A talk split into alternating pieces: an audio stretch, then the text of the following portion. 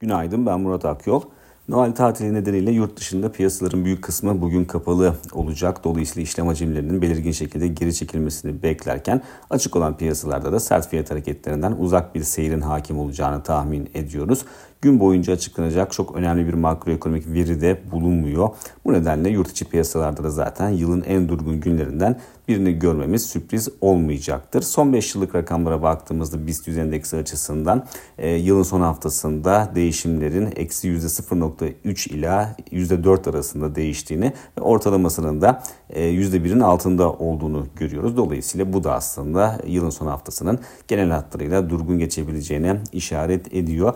Cuma günü Borsa İstanbul oldukça zayıf bir performans sergiledi. Endeks 7750 e, desteğinin üzerinde kapanış yapmıştı Perşembe günü fakat Cuma günü e, gelen sert satışla birlikte yeniden bu seviyenin altına geriledi ve bu da kısa vadeli teknik görünüm açısından aslında risklere işaret ediyor. Haftalık olarak bakıldığında %5'i aşan değer kaybı söz konusu.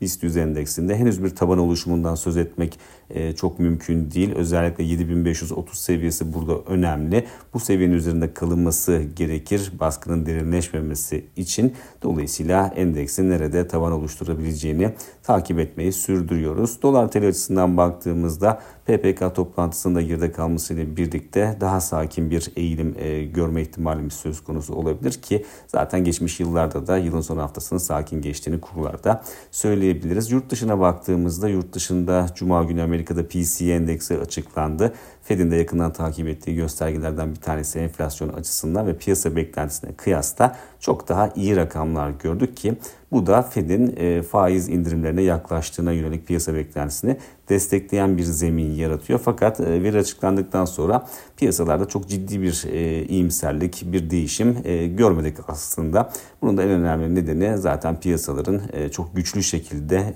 Mart ayında ki %70 ihtimalle bir faiz indirimi gelebileceğini fiyatlaması. Bu nedenle verinin çok ciddi bir etkisi olmadı ki aynı zamanda aynı saatte açıklanan dayanıklı mal siparişleri siparişlerine baktığımızda onun da piyasa beklentisine kıyasla çok daha kuvvetli e, bir tablo çizmesi dikkat çekti. Dolayısıyla PC endeksi düşük gelirken dayanıklı mal siparişlerinin oldukça kuvvetli olması %5'in üzerinde büyüme göstermesi piyasalarda da biraz kafa karışıklığı yaratmış görünüyor. Önümüzdeki günlerde de açıklanacak makroekonomik verilerin e, piyasaların daha net bir yön tayin etmesine yardımcı olacağını düşünüyoruz ama tabii ki yurt dışında da bu hafta özellikle yarın da e, birçok piyasanın kapalı olacağını düşünürsek yurt dışında da genel hatlarıyla bu hafta sakin bir görünüm bizi bekliyor diyebiliriz.